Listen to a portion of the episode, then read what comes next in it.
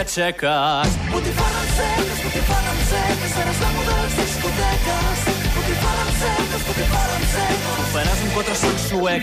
El crac que rebem aquesta setmana és una persona molt temuda, temudíssima. És una persona que té l'autoritat de desterrar pernils, formatges, botifarres i altres plaers de la vida de la dieta dels mortals.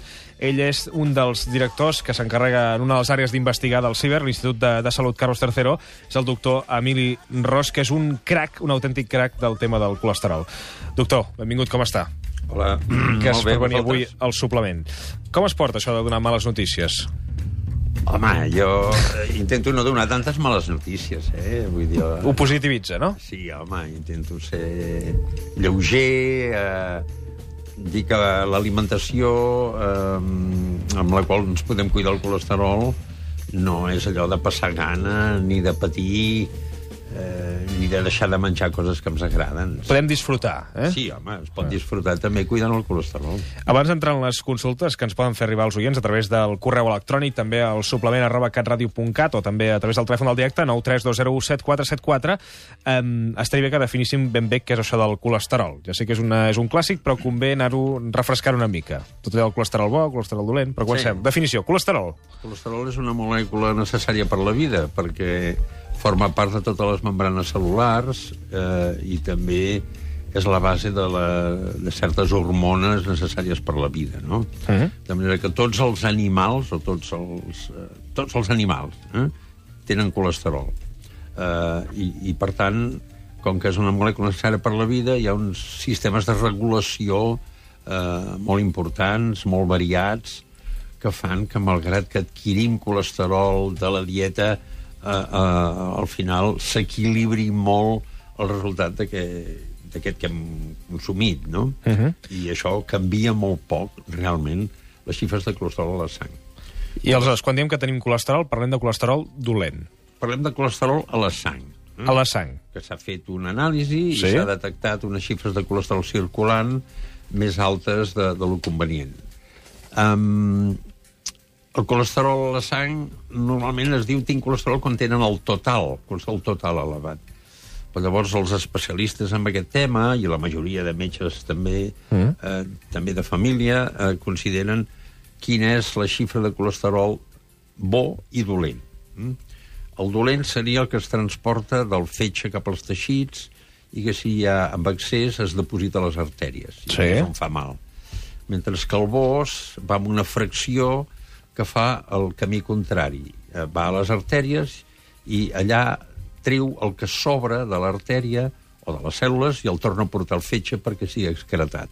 Llavors, l'equilibri entre el bo i el dolent és el que sempre defineix el risc que tenim depenent d'aquest colesterol Clar. de la sang. No? Ja sabem ara, doncs, un, allò, una definició bàsica del que és el colesterol. Anem a desmentir alguns quants mites sobre el colesterol. Primer de tot, una bona notícia, que és que el formatge no és dolent pel colesterol. Explica'ns això, perquè fins ara això estava considerat que sí, no? Ens agrada això. A veure, el, el, durant molt de temps es considerava que tot el greix animal mm, era dolent. Mm. En els últims temps s'ha vist que els lactis, la llet, tenen un tipus de greix saturat, com el dels animals, però que és de cadena més curta i que té un efecte sobre la salut neutre. És a dir, no, no, no altera, eh, no fa pujar el colesterol, no, no promou malaltia cardiovascular, Mhm. a diferència del greix que es troben a les carns o els derivats càrnics. No? Llavors, això ja és una cosa útil de saber que el tipus de greix que hi ha el formatge no és dolent. Uh, els lactis tenen també uh, altres molècules molt bones per la salut. Vitamina D, calç, uh, la lactosa, el, el, el, el carbohidrat o l'hidrat de carboni de, de la llet, i eh, s'han fet molts estudis d'aquests que en diem epidemiològics, en els quals es mira el que menja la gent i al cap de- d'uns anys es veu de què han Els patit, efectes, sí. eh, de què han patit, i s'ha vist que el menjar lactis en general, sobretot eh, el, els lactis fermentats, tipus iogurts, però també molts formatges, no s'associa a un augment del risc cardiovascular, eh, de malalties cardiovasculars. Llavors, uh -huh. això una mica treu una mica la, la, la por de que menjar formatge sigui molt dolent. Hi ha aquests estudis que a vegades es contradiuen entre ells, no? que això és molt, és molt un clàssic amb el colesterol, no? I aquest eh, demostra que amb la ciència s'acaba demostrant unes coses, eh, com més avancem, més coneixement tenim. De la carn vermella, què me'n diu? Bé, la carn vermella mm, té un tipus de greix que ja no és gaire bo, eh? el greix saturat eh, de cadena més llarga, que sempre s'ha associat a augmentar el colesterol de la sang i a promoure el risc de malalties vasculars. Mm. Eh, però també hi ha estudis que diuen que la carn vermella magra, eh, consumida amb moderació, com dos o tres cops per setmana, doncs no augmenta el risc cardiovascular, també, i modifica poc Ah, això està tipus bé. de colesterol. La mantega, la nata, la viruixeria, això, això què? Això, ja no. res, això no, eh? La mantega i la nata són lactis, però en aquí ja només hi ha el greix de la llet. No hi ha el reste de... Per tant, és acumulació de greix. No, no hi ha el reste d'ingredients bons de Ja. la llet, entens? Uh, llavors, uh, aquest ja no és bo. I els ous, què me'n diu? Ah, els ous, els ous, bona pregunta, perquè també hi ha hagut molta controvèrsia amb els ous, no? Perquè els ous són els aliments més rics en colesterol que tenim, eh? mm. a l'alimentació habitual. Uh, I llavors es deia que, esclar, com que tenen tant de colesterol, no són bons per la salut. Però els ous també tenen altres eh, molècules molt bones, perquè estan en allà per, per donar vida eh, a- en, a, en el pollet, en el cas del, de l'ou de gallina, que és el que Mhm. mengem. I, I, per tant, també hi ha eh, minerals bons, hi ha vitamines molt bones, hi ha proteïnes d'alt valor biològic, eh, i hi ha aquest colesterol que és necessari perquè l'embrió formi les seves Per membranes. tant, podem menjar ous. Llavors, aquí hi ha hagut diversos estudis també d'aquesta mena, Sí. no? Primer, s'han fet estudis donant ous fins a 3, 4 ous al dia durant un mes a gent comparant amb no menjar ous, no? Què passa amb el colesterol de la sang? S'ha vist que tres quartes parts de la, de la població el colesterol pràcticament no puja a la sang. Són gent que tenen poca resposta, perquè Mhm. l'absorció del colesterol depèn de, de la genètica. Ara bé, n'hi ha una quarta part que sí que els hi puja. Mm? Llavors, s'han fet estudis també d'aquests, com el que hem dit dels formatges, Sí. no? de veure el que menja la gent i al cap d'uns anys què li passa.